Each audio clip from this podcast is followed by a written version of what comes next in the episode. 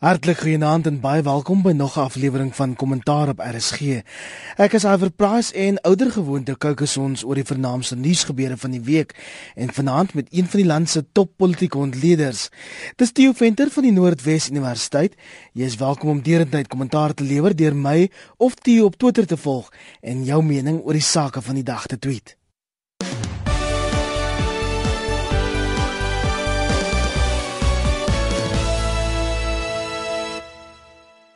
Die kom ons begin vanaand by Eskom se treurmaar in die Sunday Times se opskrif vanoggend The only thing you can believe is the threat of even more cost hikes terwyl rapport berig president Jacob Zuma en sy kabinet is van beerdkrag kwytgeskeld. Nou dis genoeg om enigiemand woedend te maak want ons het dan Vrydag aand nog gehoor dat daar tot in Januarie geen beerdkrag sal wees nie.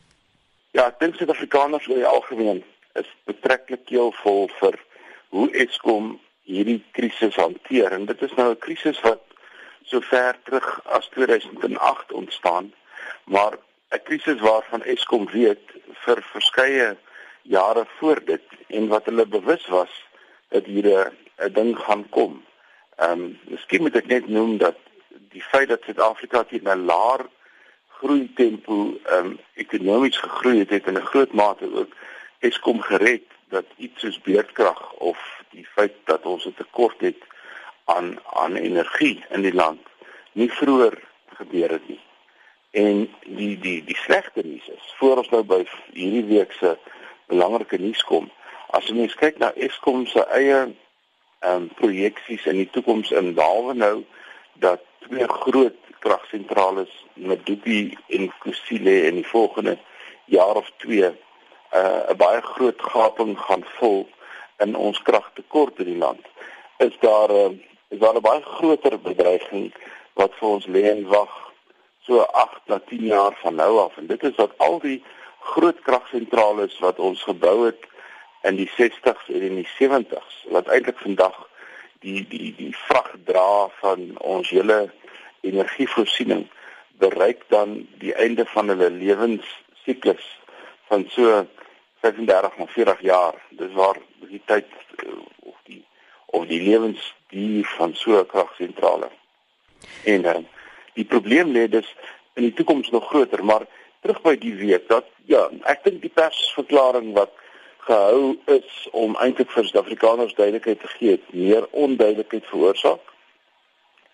En dan het ons natuurlik die um ongelooflike um uitlating van die president voor die ehm um, jeugliga van die kommunistiese party 'n uh, aand of drie gelede waarin hy sê dat uh, eintlik is die probleem dat die kragvoorsiening in Suid-Afrika in die verlede eintlik gestruktureer was om apartheid te ondersteun en um, dat dit eintlik die probleem is waarmee ons nou opgesaal het. Wel, en as ek jou daar in die rede kan val, as ek jou daar in die rede ja. kan val, Jeff Gadebe, die minister en die president het eintlik daai storie begin vroeër in die week en president Zuma het hom net daarbey aangesluit om aparte die skuld te gee. Ja, maar ek bedoel in 'n sekere sin is hulle reg, maar op 'n verkeerde manier. Die dit is so dat in die laaste 10, 15 jaar voor 94 was die elektrifisering van veral swart woonbuurte baie hoog op die regering se agenda en en ehm um, dit onder andere 'n soort van 'n behoefte aan aan groter energie en dis meer veroorsaak ehm um, wat wat heeltemal ehm um, teen die voorbeeld is wat die president gebruik het. Ek dink die president se uitlating moet ons maar sien teen die agtergrond daarvan dat hy by een van die strukture van die ANC gepraat het waarby hy baie welkom is. Die jeugliga van die SAKP uh, eh, met Boetie Malamela, hulle huidige president wat uiteindelik nou uittreë as een van sy groot ondersteuners. En hy eintlik maar vir 'n bepaalde konstituensie gepraat het en nie vir die land self nie want dis een van sy dommer uitsprake wat hy al gemaak het hierdie hierdie ehm um, hierdie jaar. Dit is dit dit dit dit, dit, dit dra net geen gewig in terme van van hierdie soort uitsprake die probleem met Eskom kan 'n mens opsom in 3 of 4 in sinne. Dit is in die eerste plek 'n tipiese probleem van 'n monopolie. As jy 'n monopolie het wat aan jou dienste moet voorsien, dan bepaal die monopolie eintlik hoe dit gaan plaasvind. Daar is nie kompetisie nie.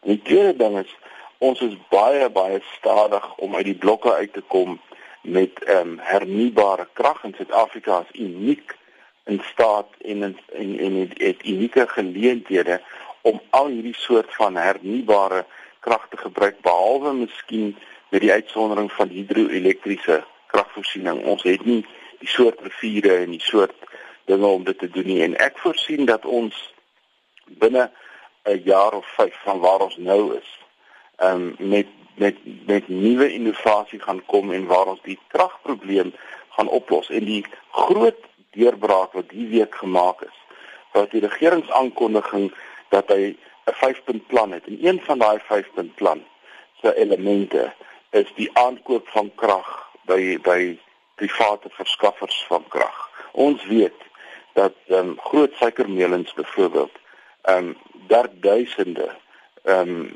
uh kilowatts, megawatts en elektrisiteit kan opwek um, met bestaande bronne wat lê. Die probleem is die terugverkoop van krag aan Eskom is nog nie finaal um, uitgesorteer nie. As dit gaan gebeur en ek dink die krisis maak dit op die oomblik baie vinniger en gaan dit baie vinniger laat plaasvind, behoort ons met 'n baie meer gediversifiseerde kragvoorsieningssituasie te sit in die volgende paar jaar. Maar dit los nie ons onmiddellike behoefte aan krag op nie. En ek dink dit is wat Suid-Afrikaners skillvol maak. En dan het die Sunday Times boonop vanoggend berig dat ons waarskynlik van April volgende jaar af 12,6% meer vir krag sal moet betaal. Nou dis is 'n soort nuus wat mense hier kort voor Kersfees wil hoor, het jy?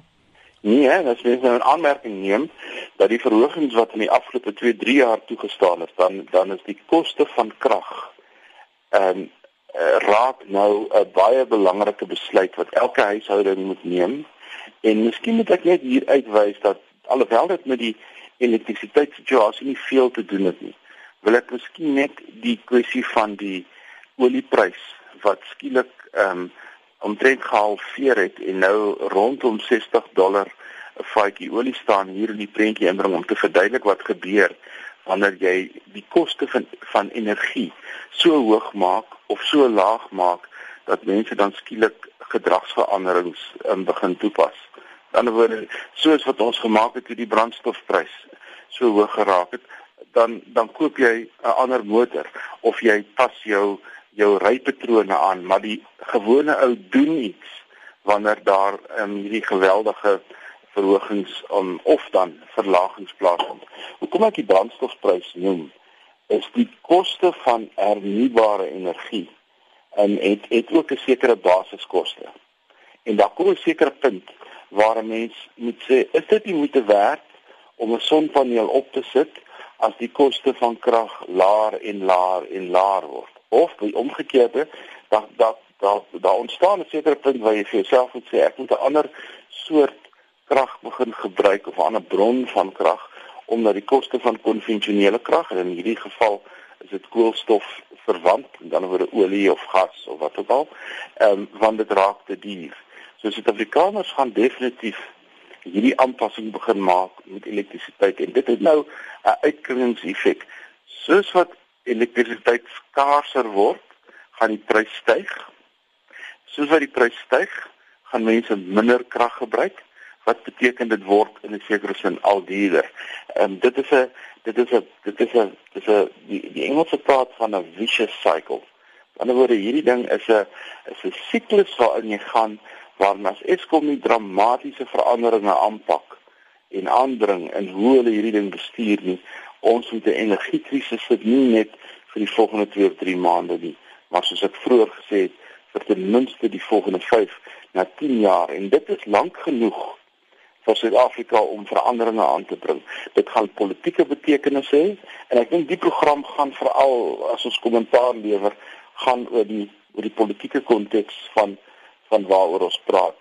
Hierdie gebeure gaan definitief 'n impak hê in die plaaslike regeringsverkiesing wat ons oor 'n jaar en 'n half van nou gaan sien en ek dink die regering gaan baie vinnig daai 5-punt plan van hom in werking moet stel as hy as hy nie ehm um, 'n uh, groot skop wil hê in 2016 se plaaslike regeringsverkiesing. Gewoonlik hierdie tyd van die jaar is die nuus al effens stiller, ons noem dit komkommertyd, maar die staatsinstelling sorg vir heelwat nuus en beeld het ontstellende onthullings gemaak oor 'n broeiende krisis by die Suid-Afrikaanse Inkomste Diens. Tom Moyani, die nuwe kommissaris wat in September deur president Zuma aangestel is, is blykbaar besig met wat beeld noem 'n grootskaalse suiwering van senior belastingamptenare en die agenda toe is nes in die geval van die polisie, die nasionale vervolgingsgesag glo binnengevegte en kaderontplooiing dit was slegte nuus. Ek dink SAS was nog altyd vir meeste mense 'n goeie voorbeeld dat ten spyte van al die veranderinge en die eise vir transformasie en al sulke dinge het het SAS die laaste 20 jaar um, eintlik sy dienslewering aan Suid-Afrikaners verbeter en was SAS die die een um, instelling waarop die regering kon pyl trek om te sorg dat hy sy begroting haal en dat hy sy inkomste kry. En dit lyk vir my SARS het ook nou slagoffer geword van die groot N wat hierdie jaar seker die nuusmaker van die jaar sal wees in Kandla. Dit lyk asof minstens meneer Pillay een van die steunpilare binne SARS dat sy navraag en en die die posisie wat hy ingeneem het met betrekking tot die belastingimplikasie van Kandla net een te veel was vir die nuwe hoof van SARS. Nou die nuwe hoof van SARS moet ons nie vergeet nie was van tevore die hoof van die gevangenisdiens. So hy's 'n ou gevestigde lid van die van die ehm um, regerende elite in hierdie land en ek dink dis die manier en ook as ons kyk ehm um, iwer na die beweringe wat gemaak word oor die regbank in KwaZulu-Natal waar die regter-president gevra het om uit te tree as gevolg van beweerde rasisme en rassistiese voorvalle en goed wat binne die regbank plaasgevind het. Het dit te doen met hoe meneer Zuma sy posisie in die land bestuur en hoe hy dit doen. Hy doen dit nie deur aan die groot hang nie. Hy doen nie dom goed soos wat um, Robert Mugabe gedoen het die laaste week of 3. Deur um, byvoorbeeld sy vrou in 'n posisie te plaas wat eintlik van Zimbabwe 'n nog groter politieke grap maak as wat dit baie keer is al is dit hoe hartseer die die grap wat hy maak. Maar die die meneer Zuma werk agter die skerms. Hy sorg dat 'n um, sekere departemente en dat sekere aanstellings gemaak word dat hy kan pyl trek op ernstige besluite en dat sekere besluite of vertraag word of gewoon nie geneem word nie en op hierdie manier oorleef hy polities en andersins. Hy het natuurlik wat dit aan betref 'n verskriklike fout gemaak met Tuli Madonsela. Hy het dink ek gedink toe hy haar aangestel het, sy gaan maar op net die normale dinge doen wat sy natuurlik nie gedoen het nie. En ek dink dis was SARS se probleem op die oomblik sit. Daar is 'n daar is 'n kultuur en 'n gees van onafhanklikheid en dit het blykbaar as ek die koerante reg moet verstaan te ver gegaan. En ek wil met beeld se kommentaar saamstem die week waar hulle gesê het SARS SARS ehm um, SARS is so belangrik dat hierdie saak moet so gou as moontlik uitgesorteer word want ons kyk toe laat dit SARS agteruit gaan nie. Dis een van daai hoekstene van die Suid-Afrikaanse staatsdiens. En as ons kan aanbeweeg tot ander nuus, vier Suid-Afrikaners is die week terugste gelê na hulle in die buiteland doodgemaak is. Die oud onderwyser Pierre Kortjie is in Bloemfontein begrawe na hy deur Al-Qaeda-lede doodgeskiet is. Dit terwyl Werner Groenewald en sy twee kinders in Pretoria begrawe is na 'n Taliban-aanval in Afghanistan. En dit is vir my vreemd hoe terreur skielik so nader aan die huis begin voel wanneer Suid-Afrikaners en dan Afrikaanse mense getref word. Ja, dit is baie tragies. Ek dink daar het twee baie baie sterk vroue ook na vore getree in die laaste week of twee. Dr. Groenewald en en mevrou Kokkie die ehm um, hoe hoe hulle hulle self verwoord het en en die boodskap wat hulle uitgedra het is eintlik is eintlik ehm um, ongelooflik treffend en ek dink 'n mens kan trots wees op hoe hulle dit gehanteer het maar jy's reg ehm um, Suid-Afrika is deel van 'n globale verskynsel van ehm um, terreur en hierdie twee goed in een week is min dat so iets ooit een land sal tref maar ons is nou wat dit dan betref in hierdie unieke situasie gewees. Wys maar net hoe omvangryk dit is. Iets anders agter die skerms wat vir my nogal treffend was is dat die die die rol wat die wat die CIA gespeel het in in meneer Kortjie en in die Amerikaanse joernalis wat in dieselfde insident um gesterf het. Dit is dit is vir my net te stil oor die rol wat hulle gespeel het en dit is vir my net te stil wat die regering, ons eie regering se rol was in die rol wat die CIA gespeel het. Daar moet met ander woorde agter die skerms een of ander vorm van samewerking of kennis gewees het oor wat hier aangaan, maar ek dink nie dis die regte tyd om nou daaroor te praat nie, maar dit is iets wat 'n storie gaan word in die toekoms. Ek is net ehm um, ek is net daar sit vir my hier ergens 'n skroef los. Wat die Groenwald aanbetref, dink ek dit is nou een van daai gevalle waar so 'n insident kon by enige plek plaasvind, het by enige woonstel, by enige verblyf. En uh, dan natuurlik die regering se bekendtenis dat daar behalwe die twee uh, uh gevalle van van tragedies wat Suid-Afrikaanse gesinne getref het, dat daar nog 4 of 5 ander soortgelyke gevalle is van mense wat of in aanhouding is, um, of of gijslaarskappe is.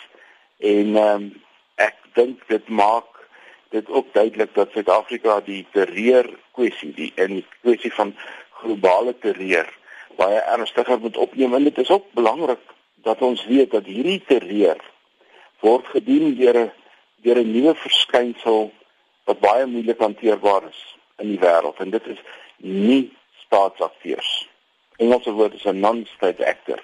In die verlede sou mense kon sê dat jy word deur 'n land ehm um, uh of deur 'n nasionale instansie ehm um, word jy in hegtenis geneem of jy het 'n probleem met 'n land. Maar nou sit jy met ISIS byvoorbeeld in Sirië en jy sit met Al-Qaeda. Jy sit met 'n klomp instellings wat nie spesifiek gekoppel is aan een land nie. En hierdie nie-staatsakteurs maak dit ongelooflik moeilik om die globale terreurverskynsel behoorlik te bestuur. Hulle is mobiel, hulle is beweeglik, hulle maak gebruik van moderne tegnologie, rekenaars, die internet, ehm um, allerlei gekodeerde boodskappe en dis meer. Dis die groot uitdaging van uh, die wêreldpolitiek op die oomblik. Is hierdie hierdie nuus hierdie nuus staafakteurs. En baie kommentaar luisteraars het die week vir my e-posse gestuur en gesê ons moet praat oor kritiek dat Suid-Afrikaners soos die kortjies, die groenewalds nie in lande behoort te werk en te woon waar hulle weet hulle onveilig sal wees. Ek verskil natuurlik daarvan en ek wonder hoe jy daaroor voel, Tio. Nee, ek verskil ook daarvan. Ek dink in die eerste plek verskil ek daarvan dat ehm um, ons glo baie sterk aan aan individuele keuse.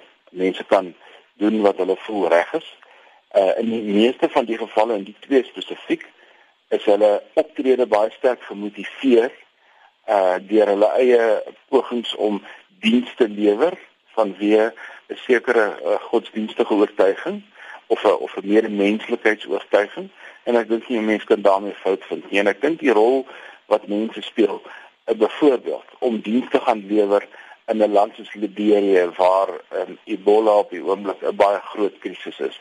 Dit is so groot krisis dat dit nie meer daagliks op die nuus was soos 'n maand gelede nie, maar die rol wat individue speel wêreldwyd om hulp te kom lewer by sulke instansies waar daar 'n um, gebrekkige strukture is en waar daar gebrekkige dienslewering is, is onberekenbaar groot.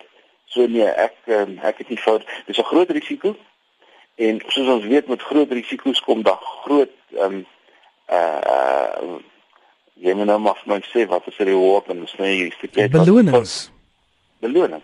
Met groot risiko's kom daar groot belonings en ek dink die individue wat in hierdie soort goederes betrokke is en ons baie Suid-Afrikaners wat betrokke is um, in in Afrika. Daar is Suid-Afrikaners wat betrokke is reg oor die wêreld wat hierdie soort werk doen.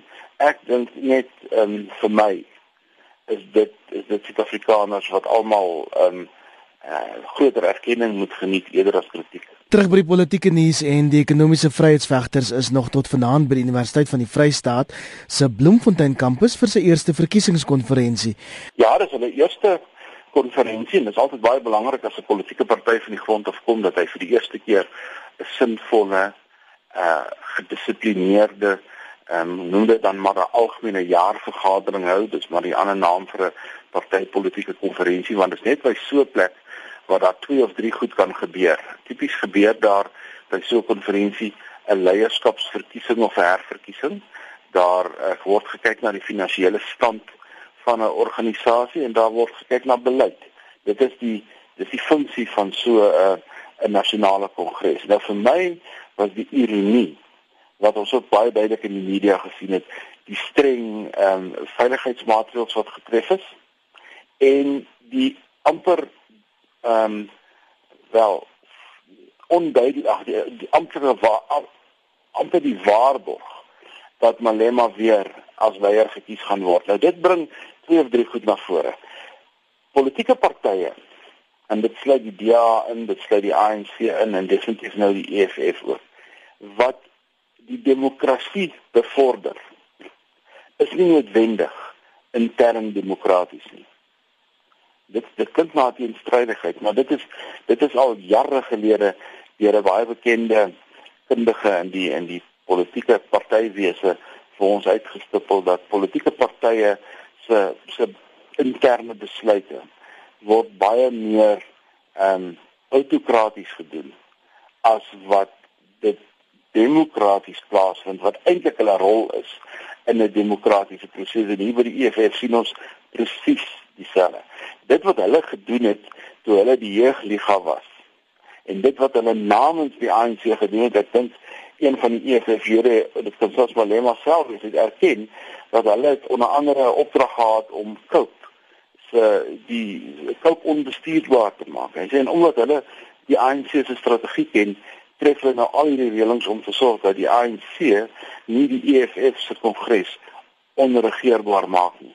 Maar dit is 'n belangrike eerste stap vir die EFF in terme van sy volhoubaarheid as 'n politieke party en ons weet dat die EFF net so skou en ander politieke wegbreek groepe uit die ANC uit het gewoonlik ontwikkel hulle 'n probleem binne 'n jaar of 2 nadat hulle hulle eie selfstandigheid bereik het en blyk vir die EFF slaag tot op hede beter daarin om sy eie volhoubaarheid te handhaaf as die voor as as sy voorgangers.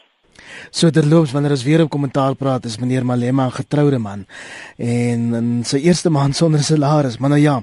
Hy het baie uitdruklik gesê dat hy 'n 'n bydrae wil maak tot nasiebou as ek hom reg verstaan. nou ja, meneer Malema het hom ook die week gedistansieer van die grondbesetters wat informele huise of privaat grond in Soshanguve noord van Pretoria oprig en hier moet ons ook verwys na AfriForum se rol wat daarin geslaag het om 'n dringende hofbevel te bekom.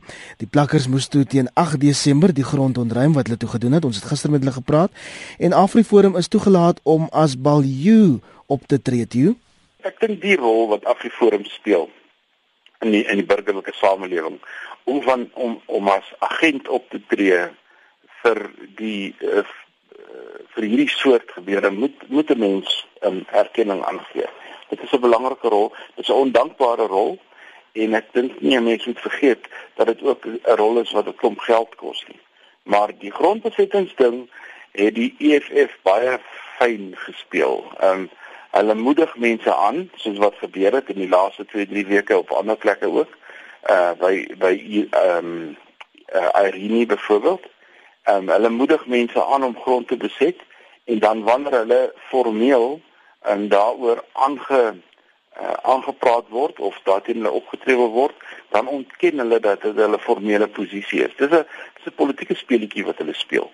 Ehm um, dis ook nie net AfriForum wat 'n rol gespeel het nie, maar ek dink die premier Gauteng, meneer David Makura het ook baie baie ferm en pertinent na vore getree in terme van sy posisie oor grondbesetting, want ek dink Gauteng is waarskynlik die een provinsie waar grondbesetting die grootste risiko is vir die bestuur van die provinsie omdat dit 'n basies 'n uh, verstedelikte provinsie is en en grond skaarser word en en en dorpsontwikkeling en grondontwikkeling moeilik is en duur is. So ek dink dit is belangrik dat in Gauteng die premier ook na aanleiding van hierdie insident ehm um, baie duidelik na vore moet tree. Vir my is daar eintlik 'n groot ironie ehm um, in wat gebeur het. Die die dag van tevore um, sien ons die rooi kleure van die EFF nie alleen in voorbereiding van Bloemfontein nie, maar ons sien dit ook uh in hulle betrokkeheid by by die grondbesetting. En dan twee dae later sien ons die rooi mure wat dieselfde klere aan het wat nou weer die hitte afbreek. Dis een van daai paradokse in die Suid-Afrikaanse politiek dat die ouens wat sê ons moet die grond beset dra rooi en die ouens wat die amptelike sanksie het om die grondbesetters te verwyder dra ook rooi. Ja, ons gaan nog baie hoofstukke daaroor kan skryf. Hmm. Ons bly by politieke partye en die hoofsekretaris van Nomsa, Owen Jim, sê niemand sal hom keer om 'n sosialistiese beweging te stig nie. Kusatu se president se doen met Lamine die week weer gesê dat die stigting van die United Front nie 'n resolusie van die vakbond federasie is nie en hy het ook Nomsa daarvan beskuldig dat hy sy lede dwing om by die beweging aan te sluit. Nou toe ons hoor al hoe meer in die nuus van die United Front. Wat is die storie? Ja, kom ons begin by Kusatu. Ek dink Lamini het die week ook 'n uitlating gemaak wat sê dat die die uitskop van van Nimsa is om onkeerbaar.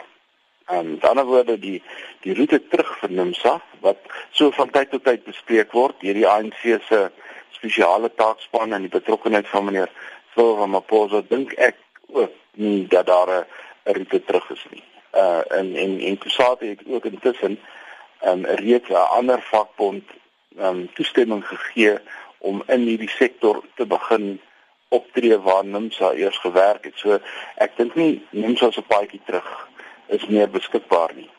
Ehm um, daar is twee strukture wat dit lyk my aangewerk word. Die een is die United Front. Nou die United Front sou 'n stigtings ehm um, geleentheid gehad het. Dit het verander na 'n soort volksvergadering Hulle praat van 'n assembly. Ek hou van daai woord, 'n volksvergadering. Ja, volksvergadering waar hulle bymekaar sou kom om te praat oor die weg vorentoe en wat moet gedoen word en dis meer. Nou lyk dit vir ons asof hulle die struktuur van die United Front wil gebruik amper as 'n soort burgerlike organisasie soos wat die ou UDF was in die laat 80s en die vroeë 90s. So dis 'n party wat homself in die politiek bevind maar nie die struktuur van 'n politieke party het nie. Hy hy tree op waar politieke partye optree, maar hy tree meer op soos 'n belangegroep as wat hy optree soos 'n politieke party. So sy rol is eintlik om mense wat wat ehm, dieselfde dink en dieselfde dink beteken hulle dink nie meer soos die ANC nie om vir hulle 'n soort van 'n intellektuele en 'n politieke tuiste te skep.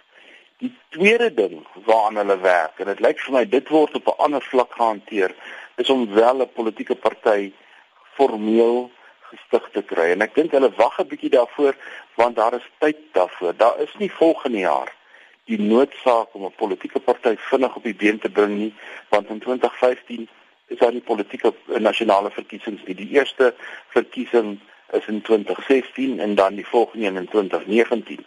So ek dink hulle tyd aan hulle kant om om amper dooieres te vat op hierdie probleem.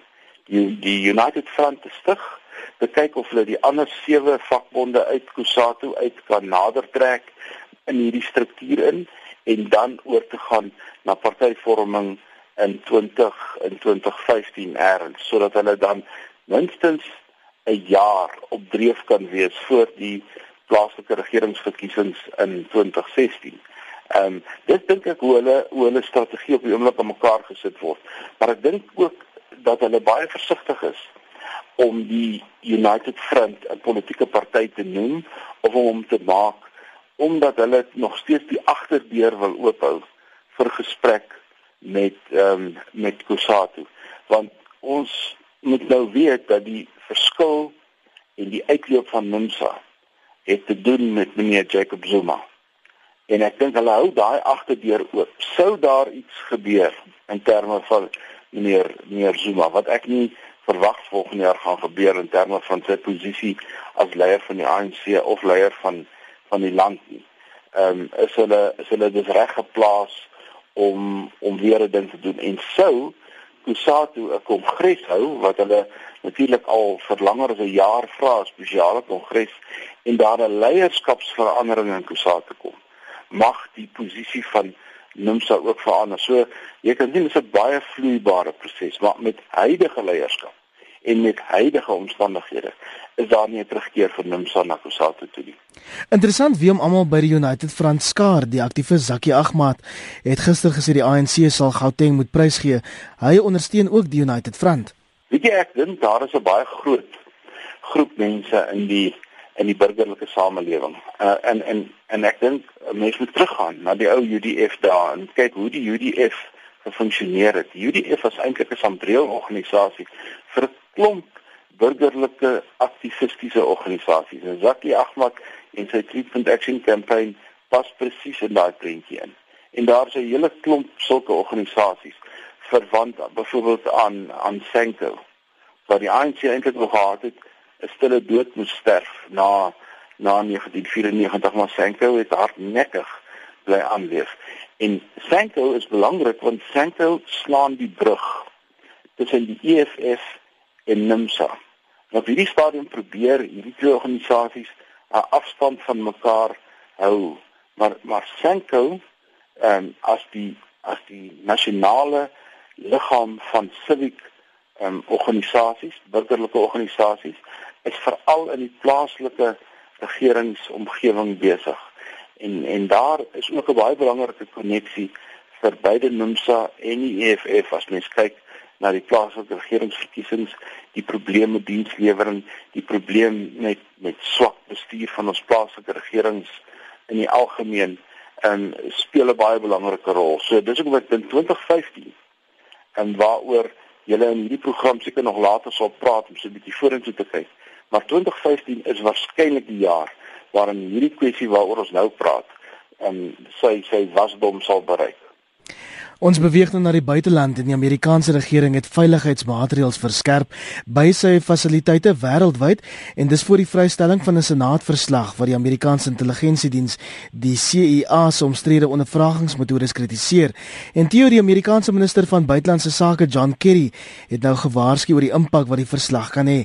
Wat is die storie? Ja, die storie is 'n baie belangrike een. Dit is 'n lang, lang verslag wat eintlik sy sy ehm um, oorsprong het kort na die bekende ehm um, 11/9 ehm um, die die aanval op die op op New York en op Amerika deur deur Al-Qaeda destyds. En ehm um, die groot vraag was het die Amerikaanse veiligheidsdienste, die CIA veral het hulle hulle mandaat oorskry in terme van ondervraging en marteling en dies meer en het hulle internasionale reëls met betrekking tot wat is menslik, wat is humanitêr, het hulle dit oorskry.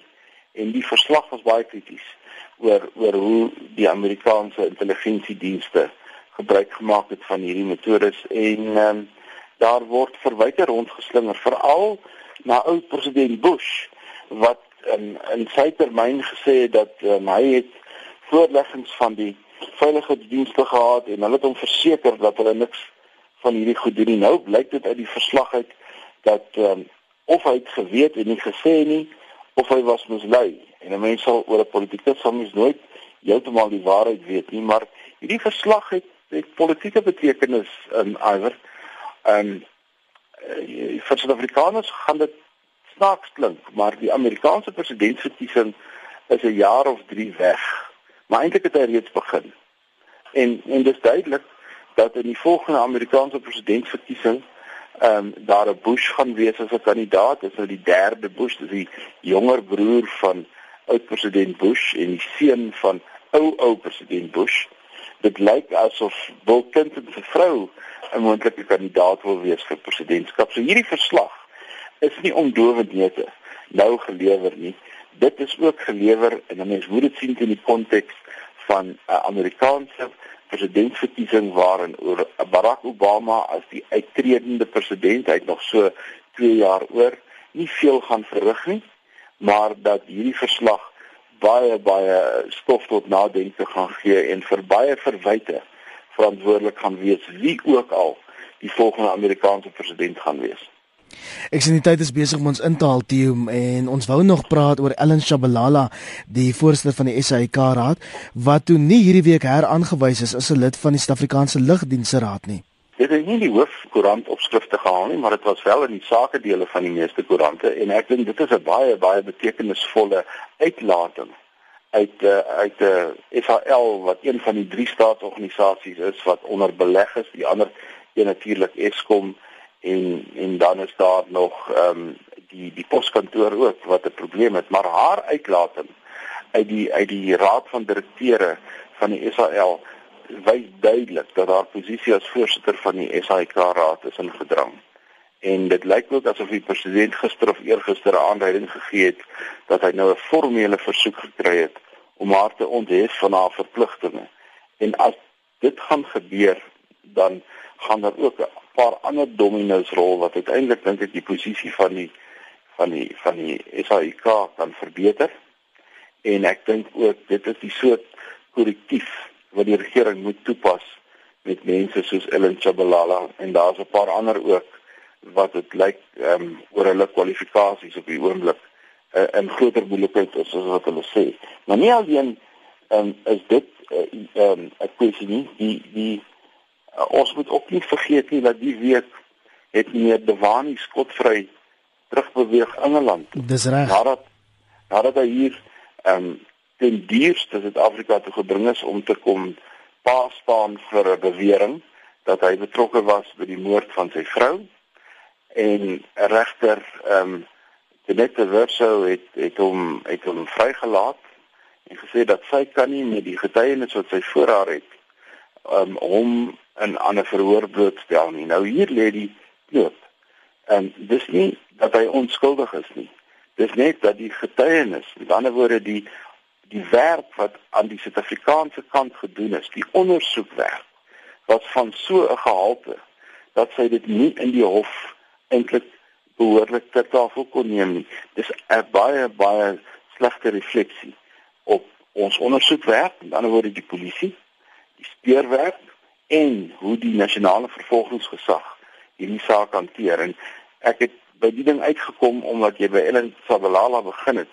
Dis tyd dat die nasionale vervolgingsgesag ehm um, by die aan sy sokkies opgetrek word en sy werk beter begin doen tesame met die mense wat die ondersoekwerk doen want ek dink die Dewani saak is eintlik vir ons 'n bietjie van 'n verleentheid. En volgende week op kommentaar gaan ons die jaar wat was in oënskou neem. Weer 'n volle paneel volgende week en die week daarna gaan ons bietjie vorentoe kyk na 2015 en wie almal hulle sokkies moet optrek. Dit bring ons aan die einde van vanaand se kommentaar. My naam is Iver Price. Baie dankie Theo Venter van die Noordwes Universiteit. Ek waardeer jou tyd, Theo. My plesier en goeienaand almal en ek hoop al my ander kollegas het ook 'n lekker vakansie. Bly ingeskakel, finansiële fokus net hierna.